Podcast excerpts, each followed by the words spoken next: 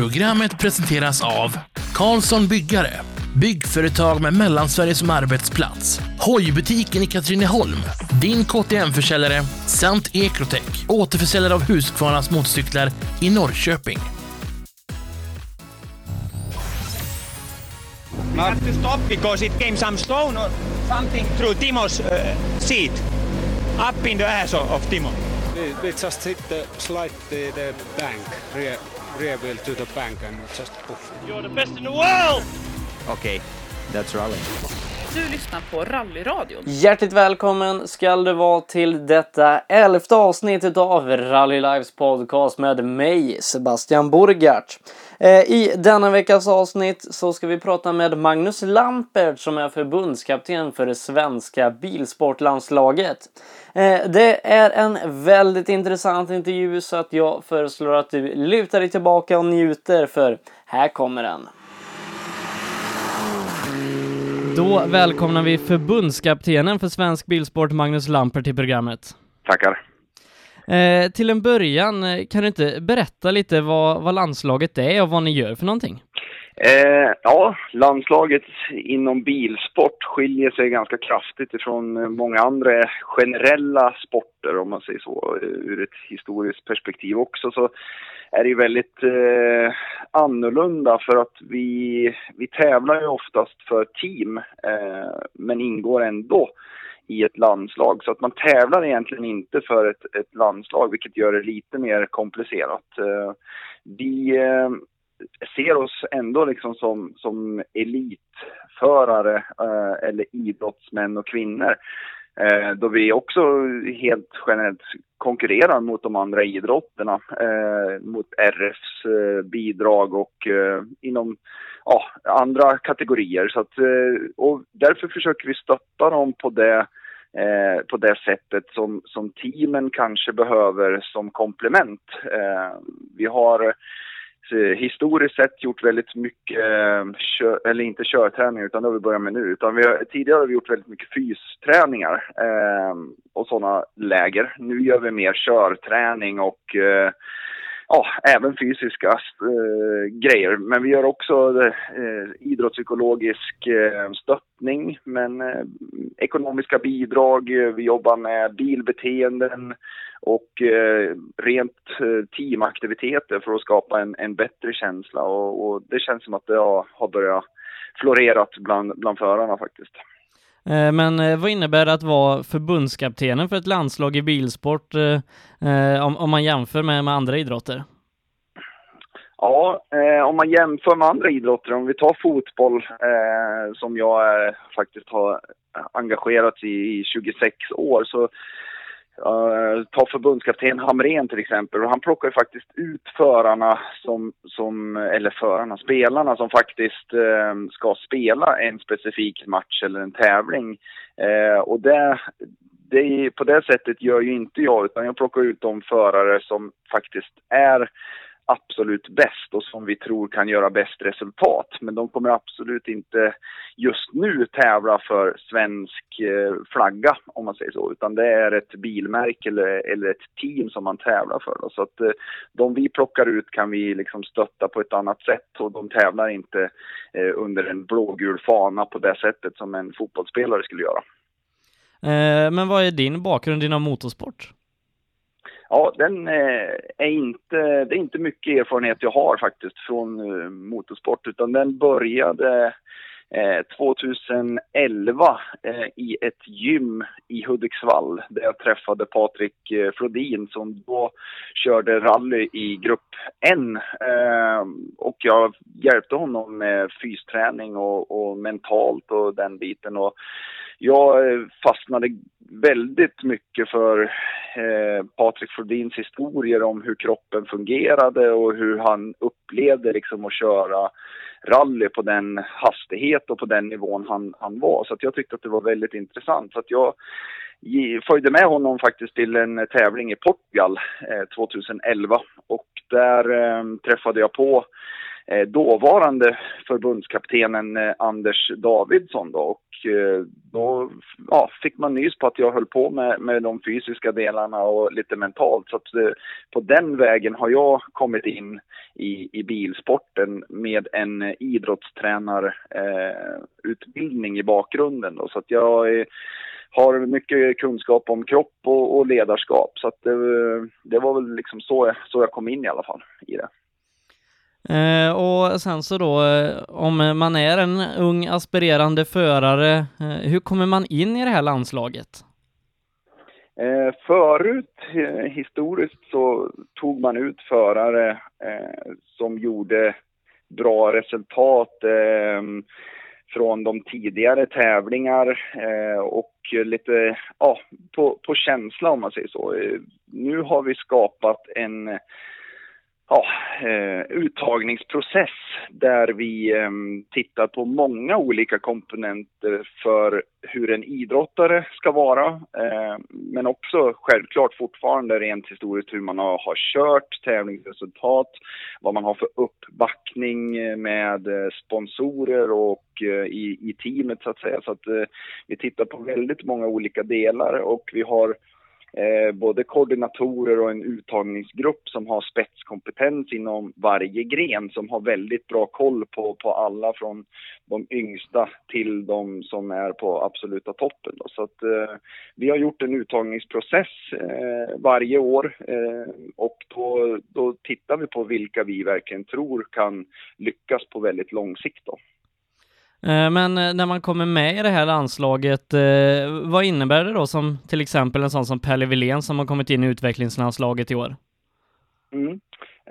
för Pelles del så, så tror jag främst att det är väldigt nyttigt att få vara med Eh, på läger eh, där vi har körträning. Eh, han var till exempel med nu senast i, i Antila i Torsby tillsammans med Car Experience där och vi fick köra väldigt många olika bilar och olika drivlinor, men framförallt få sitta tillsammans med Pontus Tideman och de andra, Mattias Adielsson och, och liksom sitta och diskutera eh, körstilar och hur man liksom kan göra saker och ting bättre. Det är liksom en viktig del som, som jag tror på det här erfarenhetsutbytet. Men också just att få köra någonting annat än höghastighetsbiten med, med fullfjädrade rallybilar, att man får faktiskt prova lite olika saker. Eh, sen det här rent eh, gemenskapen som vi skapar i landslaget och eh, kulturförändringen som sker med att man faktiskt behöver vara en, en idrottsman eller kvinna för att kunna vara Eh, på hög nivå. Att man faktiskt redan nu börjar förstå det. Och det är ganska, vi gör väldigt mycket fysaktiviteter under alla läger egentligen. Och det, det tror jag liksom kommer att spegla framtidens eh, förare, liksom att man behöver vara fysiskt förberedd. Vi jobbar också rent eh, idrottspsykologiskt tillsammans med RF och eh, förbundspsykologer. Eh, eh, att man kan förbereda sig för tävlingar men rent organisatoriskt också. För det skiljer sig lite från andra idrotter. Man behöver inte bara koncentrera sig på, på sig själv och att bli en bättre förare utan man ska också eh, vårda eh, näringslivet som man har runt sig. Så att det är väldigt eh, mycket att tänka på för en, för en förare som Pelle Wilén då. Så att eh, det finns många fördelar att vara med. Sen är vi, ser vi oss själva som ett komplement och inte liksom som en, eh, att man kan se förbundet som en fullfjädrad satsning eh, till varje förare. För så är det inte, utan vi är ett komplement kan man säga.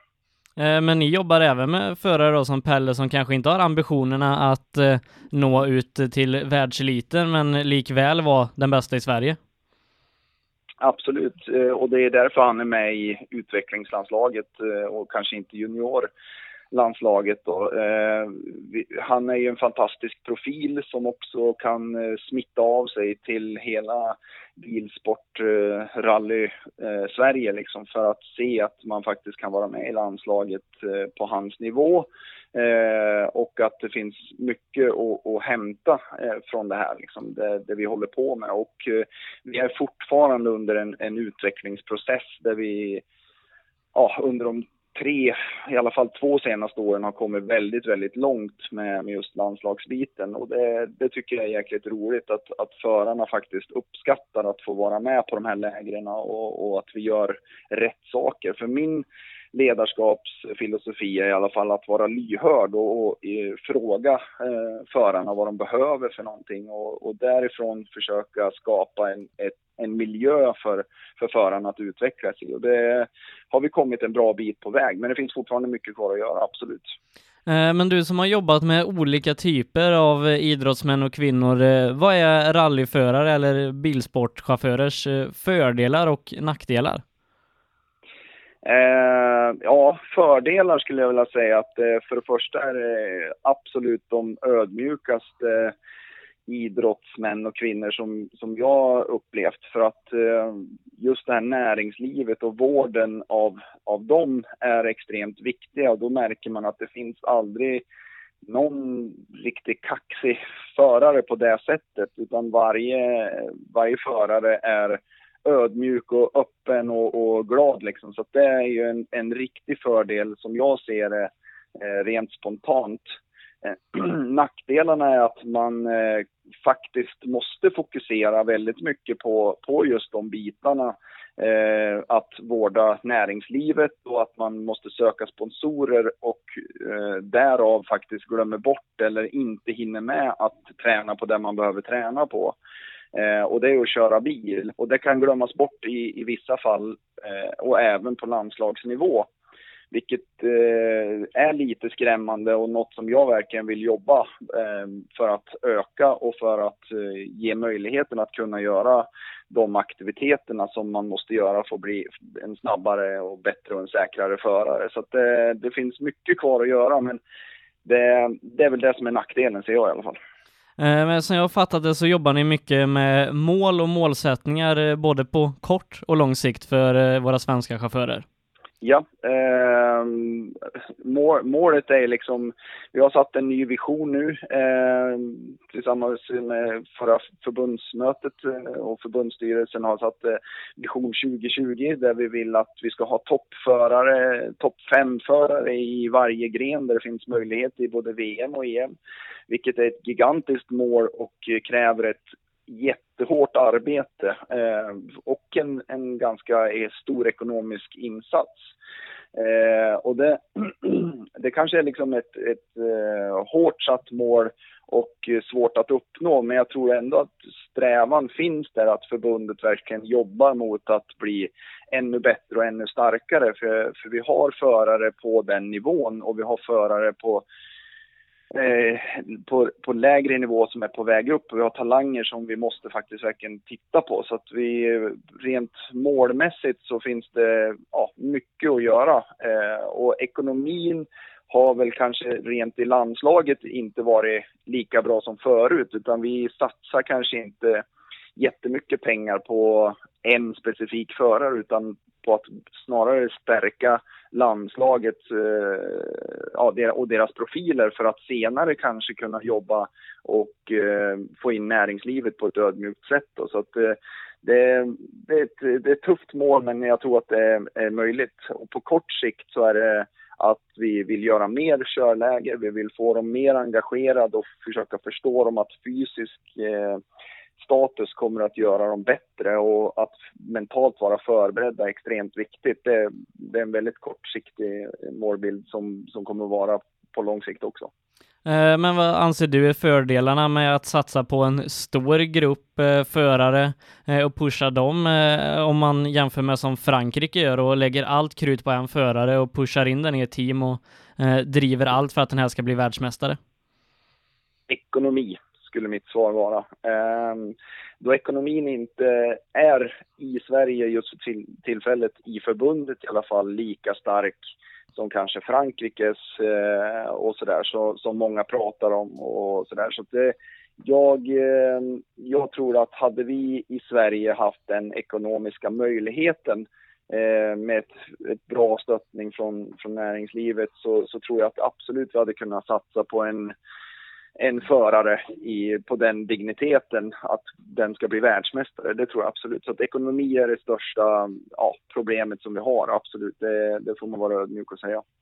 Eh, men det är inte bara landslaget som helhet som jobbar med mål, utan även förarna eh, inom landslaget. Eh, och om en ung förare har satt upp ett mål och inte skulle lyckas uppnå det här målet, hur jobbar man vidare med det från er sida?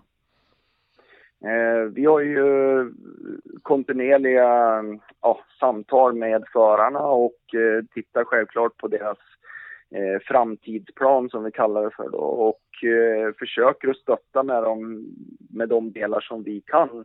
Eh, vi försöker engagera oss i eh, näringslivet på, på ett eller annat sätt eh, för att kunna ja, få in rätt partners på rätt förare och sådana saker. Så att eh, är man, lyckas man inte med det målet som man har sagt eller att man inte tänker köra den serie som, som man har sagt, då är det alltid Eh, en möjlighet att man inte är med i landslaget eller att man tvärtom, att man skulle köra någonting som vi inte riktigt visste om och att man har en väldigt bra förutsättningar och att man är eh, ja, en svensk, god svensk representant, då ska man absolut vara med i landslaget eh, om man har den målbilden i alla fall. Eh, men jag kan tänka mig att eh, sådana som Pontus Åhman och så, som är, de är unga, eh, är ganska tidiga i sina karriärer på väg uppåt. Det finns mer utvecklingspotential på kort sikt att jobba på med dem, men sen så har vi sådana som Pontus Tideman som sitter i VM med ett fabrikskontrakt och Marcus Eriksson som gör sin tredje säsong i Formel 1. Hur jobbar man med utvecklingen av de förarna? Ja, absolut. Det skiljer sig gigantiskt. Det får man ju liksom absolut säga att det gör. Eh, pratade ganska mycket med Pontus eh, när vi var i Antilla här senast och frågade liksom ödmjukt vad han tror att det ger för någonting att vara med i, i landslaget just rent det här då. Men eh, det kanske är på andra sätt än just körningen eh, som kan vara viktig eh, eh, eh för honom då rent mentalt, hur förbereder man sig organisatoriskt, jobbar med sponsorer. Med honom så stöttar svenska ja, landslaget och honom med en mental coach eh, som heter Lennart Augustsson som hjälper honom väldigt mycket med, med organisation och sätter målbilder och hela den biten. Så att jag, vi får alltid vara väldigt eh, eh, vad ska man säga, specifika för, för idrottaren i sig. Så att vi kan inte göra samma för allihopa utan alla har olika krav och alla olika förutsättningar. Så att Pontus Åhman kanske man kan hjälpa mer kort eller långsiktigt medan eh, ja, Pontus är en sån som man behöver hela tiden jobba år för år, liksom hela tiden försöka hitta de detaljer som man kan hjälpa honom med. Så att, ja, vi ser ju oss som ett komplement och, och, i det här fallet är ju eh, Lennart eh, extremt viktig för, för Pontus då. Eh, men de erfarenheterna ni, ni får av att jobba med Pontus och eh, de förarna som är på den här absolut högsta nivån inom idrotten, eh, det här är kanske erfarenheter som ni sen då kan föra över på exempelvis då Pontus Åhman för att hjälpa honom framåt?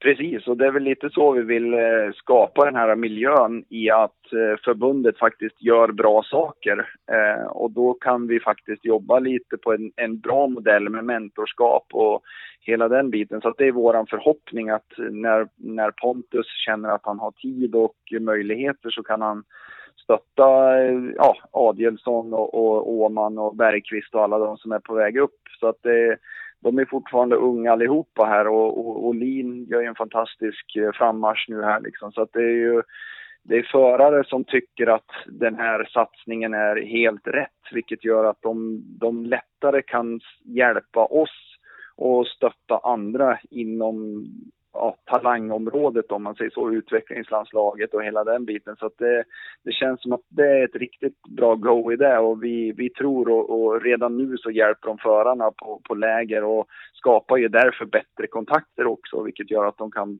när vi inte träffas så, så har de kontakt efteråt i alla fall. Så det, det är positivt. Eh, men vad anser du eh, att vikten av mental träning gör för en bilsportares möjlighet att lyckas eh, inom sin gren? Och jag har följt Fredrik Olin under ett par år, intervjuat honom kontinuerligt och i och med att han har börjat prata om sin mentala tränare och det jobbet de gör så man har märkt ett lugn på Fredrik inför tävlingar som Svenska rallyt här sist då och Eh, I och med det lugnet och självsäkerheten som jag, jag tycker att eh, jag upplevt så, så har också resultaten kommit. Eh, ja, precis. Och eh, Fredrik Olin pratar med samma tränare som, som Pontus då, så han går ju också hos Lennart Augustsson och får, får stöttning via Svenska Bilsportförbundet. Och det, är det, det är en viktig detalj. Jag själv har studerat och eh, jobbar med det personligen också inom andra idrottslag och individuella idrotter och vet vilken effekt det kan göra.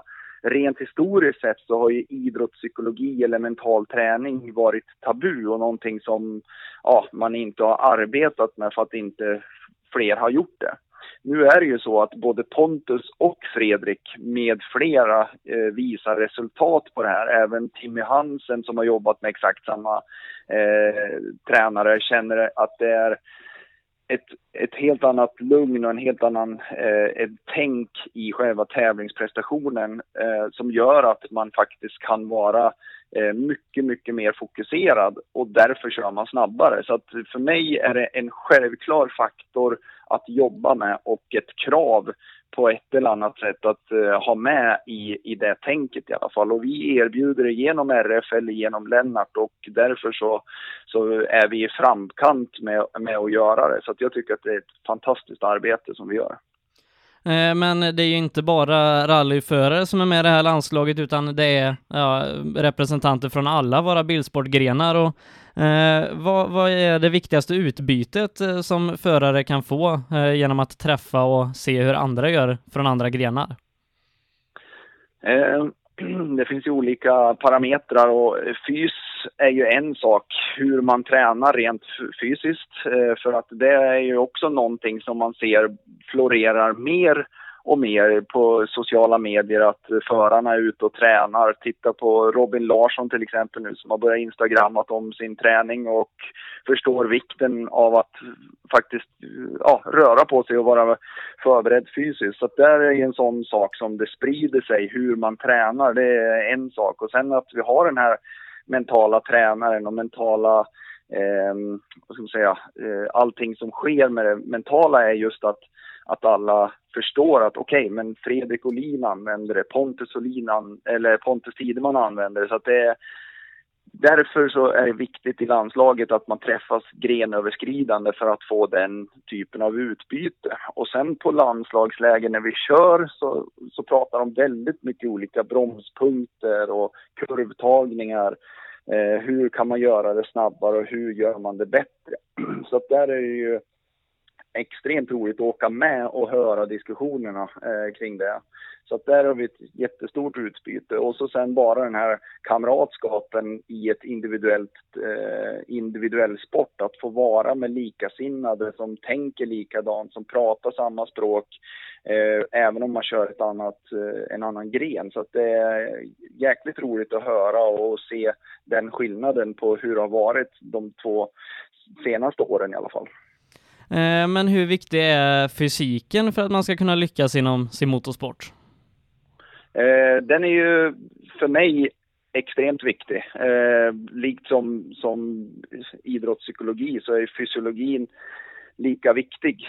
du måste vara tränad för att kunna återhämta dig snabbare ge, mellan racen. Eh, du måste vara fokuserad under en längre tid. Ta en rallytävling på VM-nivå så är det liksom från en måndag till en måndag som du ska liksom vara eh, riktigt fokuserad och du ska sova halvdåligt. alltså det blir dålig sömn, eh, vilket gör att är man mer tränad så är man mer förberedd. Eh, du har en bättre omsättning av både vätska och, och eh, näring så att det är ju man har många stora fördelar av att vara tränad och det, det märker folk. Och det, när vi pratar just syreupptagning, alltså hur, hur mycket man andas när man kör. För man har en puls på i snitt mellan 170 och 185 när man kör eh, antingen racing, rally eller rallycross, vilket är väldigt högt. Det är ungefär som en maratonlöpare har eh, och det är, det är ganska intressant att veta om det, att man, andningsfrekvensen är ganska hög när man kör. Så att, att, att vara tränad eh, är en, en viktig faktor.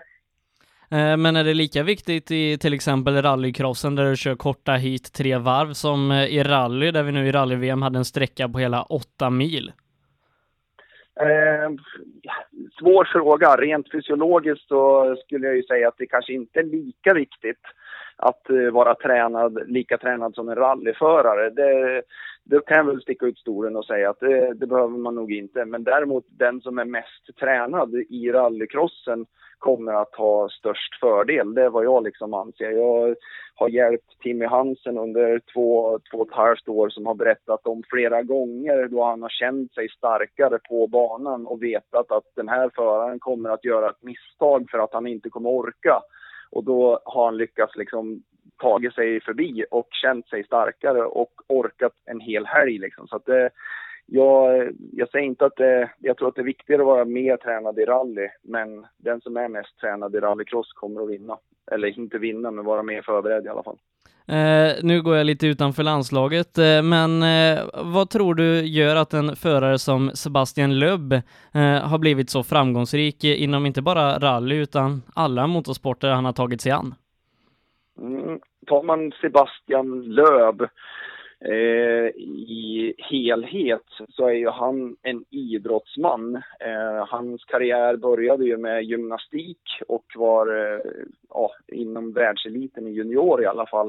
Eh, där han har en bra balans, han har en bra koordination, han har en bra ja, rumsuppfattning som är jätteviktig eh, i många avseenden. Eh, och det speglar också andra idrotter. Om man tittar på om du ska bli bra i fotboll så är det bra att hålla på med innebandy, basket eller andra idrotter för att du ska bli bra på, på en specifik sak. Så att jag tror att det kan ju vara liksom en faktor rent idrottsmannamässigt att han faktiskt håller på med en, en eh, väldigt bra kroppskontrollsidrott. Men sedan har han också då självklart haft en fantastisk uppbackning ekonomiskt från, från franska förbundet eller franska företag och sådär. Så att det, det, är två faktorer som har gjort att han har en bra kroppskontroll, bra förståelse för kroppen och fått kört extremt mycket bil, eh, vilket är en viktig faktor för att rent specifikt träna på det man ska bli bra på. Det är vad jag tror i alla fall. Eh, men kan man se likheter mellan Löb och en sån som Johan Kristoffersson som är en väldigt duktig banracingåkare, rallycross eh, och numera då också rally? Eh, tittar man på Johan Kristoffersson eh, så är det, skulle jag säga, likheter för att han började sin karriär som elitidrottare inom skidåkning. Han har en jättebra kondition, han har bra kroppskontroll, bra balans och hela den biten. Så när vi är på läger så är ju Johan Kristoffersson extremt svår att slå i oavsett vilken gren vi tävlar i. Så att han är ju en sån idrottsman eh, så att det är ja, ute i fingerspetsarna. Eh, och dessutom så har han ju kört extremt mycket bil så att jag ser extremt stora likheter mellan honom och Löv på det sättet, absolut. Eh, men går även att se likheter med en sån som Emil Bergqvist som kommer från motocross och har varit eh, riktigt seriös inom det och tar med det in till bilsporten? Absolut, det tror jag. Eh, Emil är ju en sån som har jättebra car control i en, eller oavsett vad han kör för någonting. Och det är ju, han har också kört väldigt mycket på det sättet på, på andra olika sätt. Jag det första jag gjorde var att jag åkte till Roy Snellinge i Evans eh, Management i Norge och eh, pratade ganska mycket om Mikkelsen där. Eh, och han, eh, han har ju kört extremt mycket. Han har kört två hjul, fyra hjul, go-kart, eh, folkrace. Deras eh, tanke liksom bakom det hela har varit att han ska köra extremt mycket. Och det är ju, det är ju jätteviktigt att man faktiskt får göra det, det man ska bli bra på. Så att jag, jag tror att, att man måste sitta bakom en, en ratt så mycket som möjligt, eller i alla fall någonting som går väldigt fort i alla fall. Eh, men eh, vilken vikt eh, lägger ni i landslaget på mediabiten och hur tränar ni den? Eh, vi har haft, eh, vad ska man säga, företag som har varit på våra fys, fysläger eh, där vi har haft eh, ett företag som har hjälpt oss med det. Vi har haft intervjuer, vi har spelat in det och vi har tittat och analyserat på hur man kan göra saker och ting bättre. Eh, ursäkta. Men det är också en punkt som man skulle kunna bli bättre på från våran sida med eh, med, med att bli ännu bättre rent, eh, vad ska man säga, eh, kommunikativt. Men det som förvånar mig också är samtidigt att de här är väldigt duktiga eh, redan från början med tanke på att man måste hela tiden presentera sig eh, hos sponsorer eller ja, aktiva. Liksom, så att det är, de är väldigt aktiva för att, att jobba med presentationer och det märks tydligt i, eh, när, man, när de väl hamnar i en intervjusituation och det tycker jag är häftigt. Eh, avslutningsvis, eh, vem tror du blir den nästa svenska världsmästaren i bilsport eh, oavsett gren och varför? Eh, jag tror att det blir antingen Johan Kristoffersson eller Timmy Hansen i rallycross för att vi är extremt starka där just nu. Och eh, jag tror att de har, de, båda de har varit eh, nära nu liksom. Så att jag tror att de kommer att göra allt för att snäppa upp det. Och därför så tror jag att vi kommer att ha en rallycross-världsmästare nästa år. Eh, och eh, allra sist då, eh, när tror du vi kan ha eh, en svensk världsmästare i VRC? Ja, det är, vad ska vi säga, 2020 eh, säger jag då och jag tror att det är Pontus Tideman. Mm. Eh, tack så mycket för att eh, du tog dig tid eh, Magnus. det har varit en väldigt intressant stund. Ja, tack själv. Tack själv. Det här var allt vi hade att bjuda på i denna veckas avsnitt utav Rally Lives podcast. Eh, vi är tillbaka redan nästa vecka och då så får vi en speciell gäst eh, Eh, på besök här personligen i studion. Eh, vi ska summera rally-SM så här långt eh, efter vintersäsongen 2016 och blicka framåt mot vad som väntar oss i South Swedish Rally om några veckor. Missa inte det som sagt nästa torsdag här i podcasten. Eh, missa inte heller att du kan vara med och stötta den här podden genom att gå in på patreon.com snedstreck rallyradion och där lägga ett eh, litet bidrag som hjälper mig driva den här podcasten ekonomiskt. Eh, och sist men inte minst, stort tack till Karlsson Byggare med flera som är med och sponsrar det här avsnittet.